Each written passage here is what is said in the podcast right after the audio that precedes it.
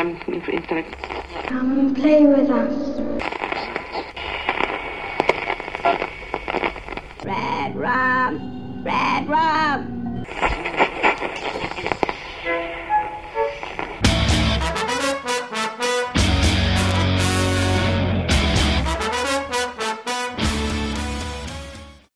Witam serdecznie w 32 odcinku podcastu Radio SK, który wbrew wielu moim zapowiedziom w wielu różnych miejscach pojawił się tradycyjnie i bez obsuwy. Ciągniemy zatem dobrą pasę jednego odcinka na tydzień, co mnie tym bardziej cieszy, bo jak już pomyślałem sobie, że robię tygodniową przerwę, to minęła tylko chwila, a już myślałem o zmianie podcastu z systematycznego na kompletnie luźny, nie trzymający się żadnego konkretnego dnia czy rozkładu. Prędzej czy później pewnie do tego dojdzie, ale im później, tym lepiej. Kilka dni myślałem, o czym by nagrać odcinek, by było fajnie, ale jak najkrócej. I tak bym się jak najmniej musiał przygotowywać. Bo serio, w tym tygodniu nie miałem czasu na nagrywanie i odcinek mógł się albo nie pojawić, albo pojawić się taki, w którym bym sobie pogadał, ale się nie nagadał. I tak źle, i tak niedobrze. Pech jednak chciał, że w sobotę odebrałem paczkę z moim aktualnym, największym skarbem w kolekcji, no i już mi Mroczna Wieża po prostu nie chciała wyjść z głowy. Także w tym tygodniu postanowiłem zabrać się za dość obszerny temat, czyli komiksową wersję cyklu Mroczna Wieża, a przynajmniej jej pierwszy wielki segment, na którym pierwotnie miał się zakończyć ten projekt.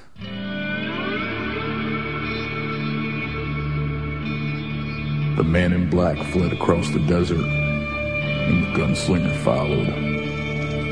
If the gunslinger looks familiar to you, that's as may be. Echoes of him have been seen in tales spun across many other places, many other ways. He is iconic and legend, your best friend and your worst enemy. The gunslinger is a creature of what you would call destiny, and the wheel of his destiny continues to turn towards one inevitable goal a dark tower. Na początek kilka słów wstępu dla tych, którzy nie wiedzą o czym gadam. Mroczna Wieża na kartkach komiksu wystartowała w lutym 2007 roku. Był to duży projekt wydawnictwa Marvel zaplanowany na 30 zeszytów, wchodzących w skład pięciu miniserii. Scenarzystą od początku i niezmiennie jest Peter David, a pomaga mu w pracy Robin Ford, która pełni rolę konsultanta. Jeśli ktoś nie wie, Robin jest asystentką Stephena Kinga, zatrudnioną od czasu, gdy ten pracował nad ostatnimi trzema tomami cyklu i potrzebował kogoś, kto pełniłby rolę fachowca od wieży. Robin stała się tym, czym każdy fan Kinga chciałby być. Stała się tak zwanym Calvinem, czyli osobą, która zarabia na czytaniu Stephena Kinga. Czyta, prowadzi bazę danych, wyszukuje najdrobniejsze szczegóły i błędy, a gdy King pisze do niej maila z pytaniem, ile bohaterowie mieli pieniędzy albo co Jake miał w plecaku, ona czyta wieżę ponownie. Kilka razy zrobiliśmy z nią wywiad i to naprawdę jest ekstremalny poziom nerdyzmu. Choć inna sprawa, że jakby mi ktoś płacił za to, co od 17 lat robię przez większość czasu, to też mógłbym poświęcić się temu w 100% i zapomnieć o normalnym życiu. Wracając do komiksu jednak, na tym nie kończy się lista osób odpowiedzialnych za warstwę tekstową. Od początku bardzo silny nacisk położony był na podkreślanie zaangażowania Stephena Kinga, który przynajmniej w pierwszej fazie naprawdę mocno ingerował w ten projekt. Nie wiem, jak to wygląda w tej chwili, ale jakoś nie sądzę, by King poświęcał temu nadal aż tyle czasu.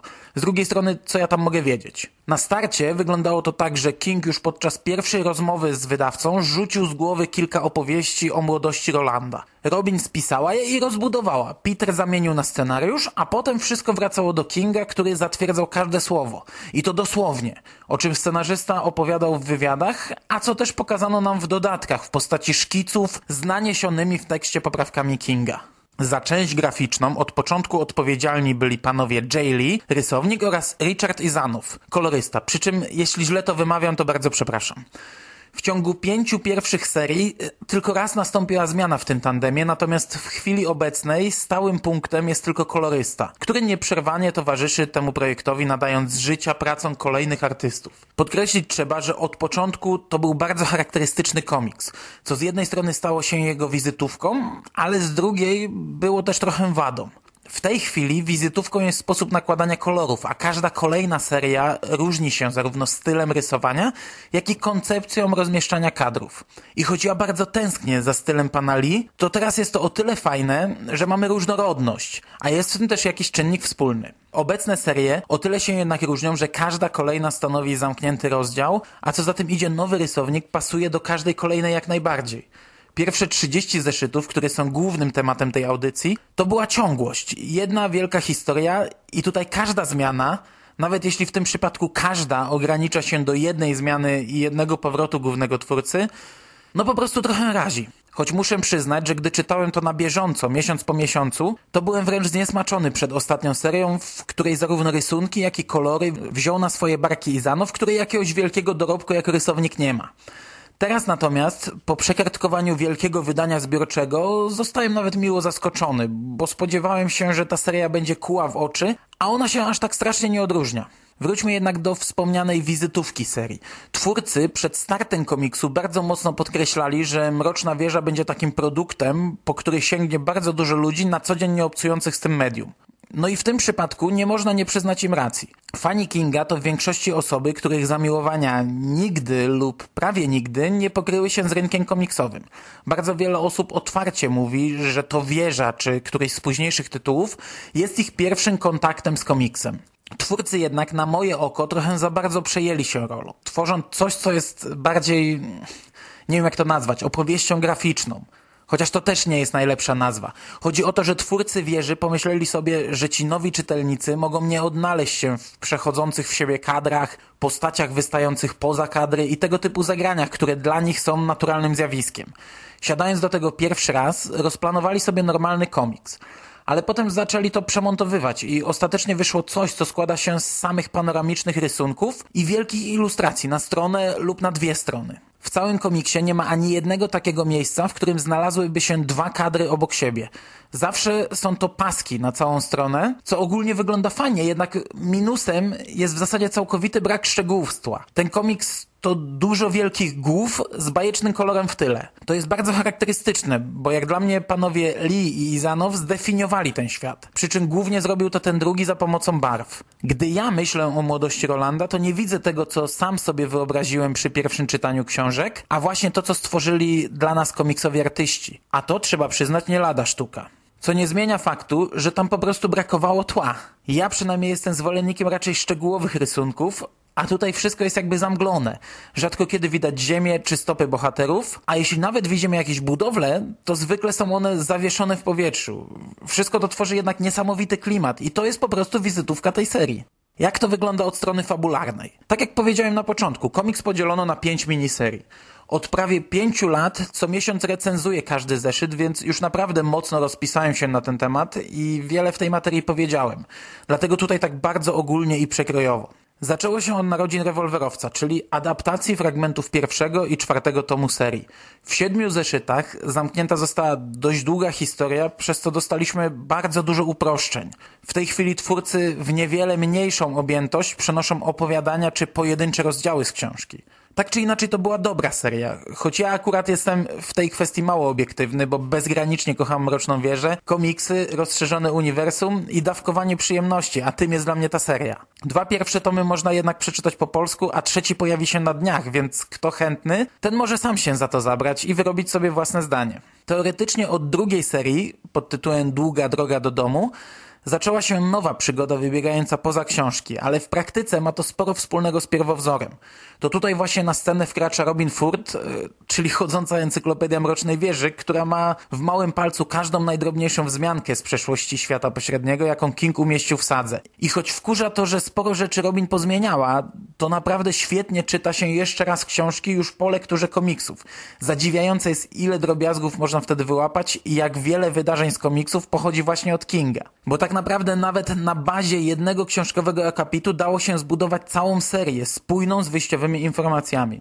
Drugi tom to powrót chłopców do Gilead i pobyt Rolanda w Greyfrucie, czyli jednej z kul tęczy czarnoksiężnika, a w konsekwencji w świecie końcowym, czy też na końcu świata, bo tak to chyba było tłumaczone. I tutaj mamy trochę rozbieżności, bo tak naprawdę ta część historii została dość szczegółowo zrelacjonowana w końcówce czwartej książki cyklu. Trzecia seria, Zdrada, to początek rozpadu stolicy świata pośredniego oraz samego świata. I choć na pierwszy rzut oka to są nowe informacje, to wszystko współgra idealnie z rozsianymi po całej sadze drobiazgami. Po czasie chyba najlepiej oceniam właśnie tę serię za tak dobre poskładanie tego wszystkiego do kupy. Czwarty tom, Upadek Gilead, to już jest ostra jazda po bandzie. I jako, że dość słabo pamiętam tomy 5-7, a dokładniej nie znam ich na pamięć, bo piątkę i szóstkę czytałem tylko dwa razy, a ostatni tom raz, a to właśnie w tych tomach są rozsiane informacje z końcowej fazy upadku świata rewolwerowców, no to nie orientuję się aż tak, jak bardzo te dwie ostatnie serie komiksowe są wierne książkowej wizji. W kilku miejscach Robin musiała popuścić wodze fantazji, o czym pisze wielokrotnie w dodatkach. W tej serii umiera wielu głównych bohaterów, a ich śmierć została tylko wspomniana w książkach. Ktoś tam został otruty, kto inny zginął zasztyletowany, ale tak naprawdę całą scenę śmierci trzeba było ułożyć od podstaw, wykorzystując tylko motyw otrucia czy zasztyletowania. Fabularnie jest to rozegrane świetnie, a trzeba zaznaczyć, że w tej serii jesteśmy świadkami nie tylko wielu szalenie istotnych śmierci, ale też ogromnej bitwy pod murami miasta, której finał zdradza nam tytuł serii. Szkoda tylko, że pan Lee postanowił wziąć sobie urlop i chwilowy rozwód z projektem, bo jednak burzy to trochę wygląd serii jako jednego wielkiego spójnego produktu. Warto też wspomnieć, że do tego tomu doklejony został one-shot Czarnoksiężnik, który jest w pewnym sensie prologiem do serii, ale też sam w sobie stanowi świetną opowieść. Rzuca nowe światło na książkowe wydarzenia i pokazuje znaną już historię z wcześniejszych zeszytów, widzianą oczami tych złych. Do tego to zdecydowanie najlepiej narysowany komik z tych kilku wykonanych całkowicie przez głównego kolorystę. Ostatnia seria, Bitwa o Jericho Hill, to wydarzenia, na które czekali chyba wszyscy fani. Ostateczna bitwa i ostateczny upadek rewolwerowców. Ciekawym zabiegiem jest przesunięcie akcji o 8 lat w przód, co niestety nie jestem w stanie stwierdzić, czy było zaznaczone w książkach, czy jest tylko komiksowym wymysłem, nie kłócącym się lub kłócącym się z tymi strzępkami informacji rozrzuconymi w sadze Kinga. Jeśli ktoś z słuchaczy jest na tyle na bieżąco z cyklem, że może nam rozstrzygnąć tę kwestię, to zapraszam do komentarzy. Sama bitwa, jak i większość istotnych wydarzeń, które ją poprzedzały, została dość wiernie opisana w ostatnich tomach i w komiksach wszystko jest spójne z utworem Kinga. Jedyne, czego nie poznaliśmy w książce, to finału bitwy i to, jak zakończył się ostatni samobójczy rajd dwóch ostatnich rewolwerowców. A przynajmniej bardzo zdawkowo zostało to wspomniane. Początkowo byłem zachwycony tym, jak rozegrano to w komiksie. I byłem wręcz zszokowany, że zdecydowano się tutaj na tak mocny krok. No i że King na to pozwolił, o ile oczywiście nie był twórcą pomysłu. Nie byłem jednak pewien, czy dobrze interpretuję ostatnią scenę komiksu, ale sporo dyskutowałem o tym wtedy z Ingo i on odebrał to dokładnie tak samo, również nie będąc w 100% pewnym. Było to świetne i szokujące, choć pewnie dla wielu kompletnie nie do zaakceptowania zakończenie cyklu i coś, co nie ma prawa istnieć w Mrocznej Wieży. Na szczęście dla nich, ale na nieszczęście dla mnie, pierwszy zeszyt nowego projektu komiksowego pokazał zupełnie inne zakończenie bitwy, choć teraz już nie jestem tak do końca pewien, czy to się faktycznie kłóci z wcześniejszym komiksem, czy po prostu pokazuje to, czego wcześniej nie pokazano. Burzy to jednak moje, wcześniejsze, dość silne wyobrażenie, które najwyraźniej zbyt pochopnie wziąłem jako pewnik. Szkoda, ale jeśli ograniczymy się tylko do pierwszych 30 zeszytów, to możemy na własne potrzeby właśnie tak interpretować ten finał. I myślę, że już za długo mówię o czymś, czego nie chcę zdradzać, także przejdźmy dalej. Na koniec wypada kilka słów poświęcić jakości wydania i całej otoczki wokół projektu, bo trzeba przyznać, że Marvel początkowo bardzo mocno promował ten produkt. Mnóstwo wywiadów, paneli z twórcami, oficjalna strona serii, trailer, tapety, graficzne zapowiedzi każdego zeszytu, szumne zapowiedzi kolejnych serii i tak pewnie mógłbym jeszcze długo wymieniać. Pierwsze 30 zeszytów ukazywało się w kilku wariantach okładkowych. Był to standardowy wariant, ale każdy zeszyt miał też wariant 1 na 25 z kolorowymi okładkami różnych twórców i czarno-biały szkicowany wariant pana Lee w nakładzie 1 na 50 lub 1 na 75 standardowo wydrukowanych zeszytów. Pierwsze zeszyty miały po kilka dodruków, bo dość szybko wyprzedawał się cały nakład i każdy kolejny zdobiła nowa okładka. Oczywiście z czasem komiksy ograniczyły się do pierwszego nakładu, a po zakończeniu podstawowej serii Marvel zrezygnował też z limitowanych wariantów okładkowych. Nie zmieniła się jednak jakość wydania, a ta zawsze była bardzo wysoka. Zeszyty należały do tych nieco droższych za 3,99 ale miały dość grubą okładkę, a to naprawdę robiło sporą różnicę. King wydawał też w DC, a dokładniej w Vertigo i jego amerykański wampir także kosztował tam 3,99 za zeszyt, ale jakościowo różnica była dość spora. W przypadku wieży świetne jest to, że Marvel od początku, oprócz samego komiksu, serwował czytelnikom mnóstwo dodatków. Zeszyty z pierwszej serii miały aż 48 stron, z czego 16 stanowiły bonusy. Nieprzerwanie do dzisiaj w ich składzie skład wchodziło opowiadanie Robin Ford, rozszerzające historię świata pośredniego. Choć sporadycznie tekst Robin był publicystyką na temat pracy nad komiksem i konwertowania opowieści z kart książek na historię obrazkową. Zawsze są to też rysunki różnych artystów, którzy pokazują swoją wizję tego świata i zawsze była też cała masa prac obrazujących tworzenie komiksów. Poprzez szkice, jakieś pierwsze wersje planowania kadrów, poprawki, niewykorzystane wersje, rysunki pokazujące drogę powstawania finalnych wersji i wiele innych ciekawych rzeczy. Marvel nie ograniczał się jednak tylko do takich bonusów. Od początku serwował nam specjalne zeszyty z dodatkami, szkicowniki czy komiksowe wersje encyklopedii w pigułce. Niestety z czasem ilość dodatków mocno się skurczyła. Objętość zeszytów najpierw zmalała do 40 stron, a potem do 32. I tak wygląda to do dzisiaj. Tak czy inaczej cieszy sam fakt wrzucania dodatków w każdy, nawet najcieńszy zeszyt, mimo że obecna sprzedaż jest już tylko cieniem tego, co działo się na początku. Kilka zdań warto poświęcić też wydaniom albumowym, które zarówno w Ameryce, jak i w Polsce prezentowały się świetnie.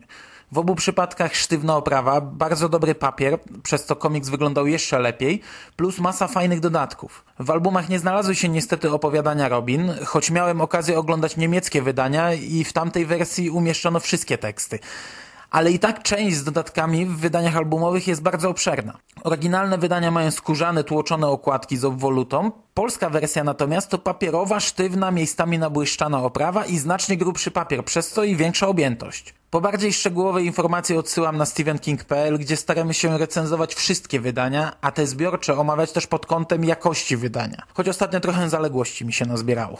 Dzisiejszy monolog zacząłem jednak od tajemniczej paczki, którą odebrałem kilka dni temu i nadwyrężyłem sobie rękę, niosąc ją do domu. Na Facebooku wielu tak zwanych przyjaciół wspierało mnie swoim śmiechem, podczas gdy ja próbowałem wytłumaczyć małżonce, co właśnie przyniosłem do domu. Niby wierciłem jej oto dziurę w brzuchu od dawna, ale zawsze gdy dochodziłem do ceny, którą swoją drogą zawsze mocno zaniżałem, przyjmując bardzo optymistyczną wersję ceny dolara, no żona zaczynała krzyczeć. Mówię tutaj o omnibusie, czyli w wydaniu zawierającym wszystko, co znajdowało się w pierwszych 30 zeszytach i to, co było wydawane równolegle.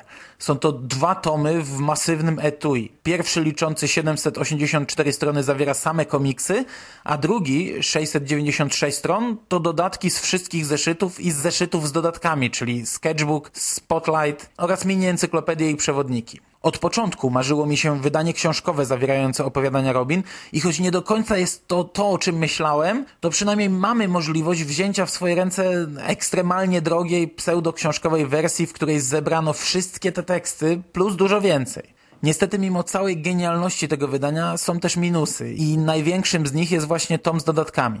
To są po prostu sklejone materiały z pierwszej wersji, w które nikt nie ingerował. Niby jest tu spis treści, ale nikt nie pofatygował się ponumerować strony, a w przypadku niemal 700-stronicowej cegły robi się straszny bajzel w zawartości. Tak czy inaczej jest to w tej chwili największy klejnot w mojej kolekcji i tak jak zapowiedziałem w którejś wiadomościach z martwej strefy, no będę się do niego modlił.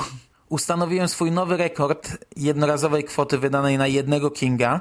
Wcześniejsza granica wynosiła coś około 330 zł wydanych na jedną książkę. Teraz jest to 430 zł, czyli no dość konkretna suma. Dla normalnych ludzi pewnie niepojęta. Oczywiście w lepszych czasach, gdy dolar był tańszy, można to było kupić w znacznie przystępniejszej cenie. W oryginale kosztuje to 150 dolarów. Ale już pojawiły się jakieś zapowiedzi grudniowego jednotomowego wydania Omnibusa, więc trochę obawiałem się, czy w najbliższej przyszłości wersja dwutomowa nie stanie się jakimś trudno dostępnym rarytasem. Żona przyjęła ten zakup zadziwiająco spokojnie, bo to wspaniała kobieta jest, a ja sam nie mogę się napatrzeć na to cudeńko, choć nie mam pojęcia, gdzie je postawić. A Dark Tower. From Marvel Comics and the mind of Stephen King come a return to the world of the gunslinger, a world where the Dark Tower stands high above all. Learn the secrets of one of Stephen King's most popular creations as the gunslinger's past is fully explored for the first time. Learn of his early friends, loved ones, enemies, and a father whose face must never be forgotten. The first volume of The Dark Tower The Gunslinger Born begins this February when a man's quest begins with a boy's test. Was, drodzy słuchacze, zachęcam do lektury. Jeśli ktoś choć pobieżnie śledził temat na forach dyskusyjnych, mógł odnieść wrażenie, że jest to słaby komiks. I jest tu mało wieży w wieży. A ja powiem wam tylko, że to gówno prawda. Ten komiks to esencja wieży. To idealnie zachowany klimat serii i spójność. No, przynajmniej patrząc tak ogólnie, z wizją Stephena Kinga. Do tego polska wersja jest y, bardzo przystępnym cenowo produktem, a w tym miesiącu ukaże się już trzeci tom.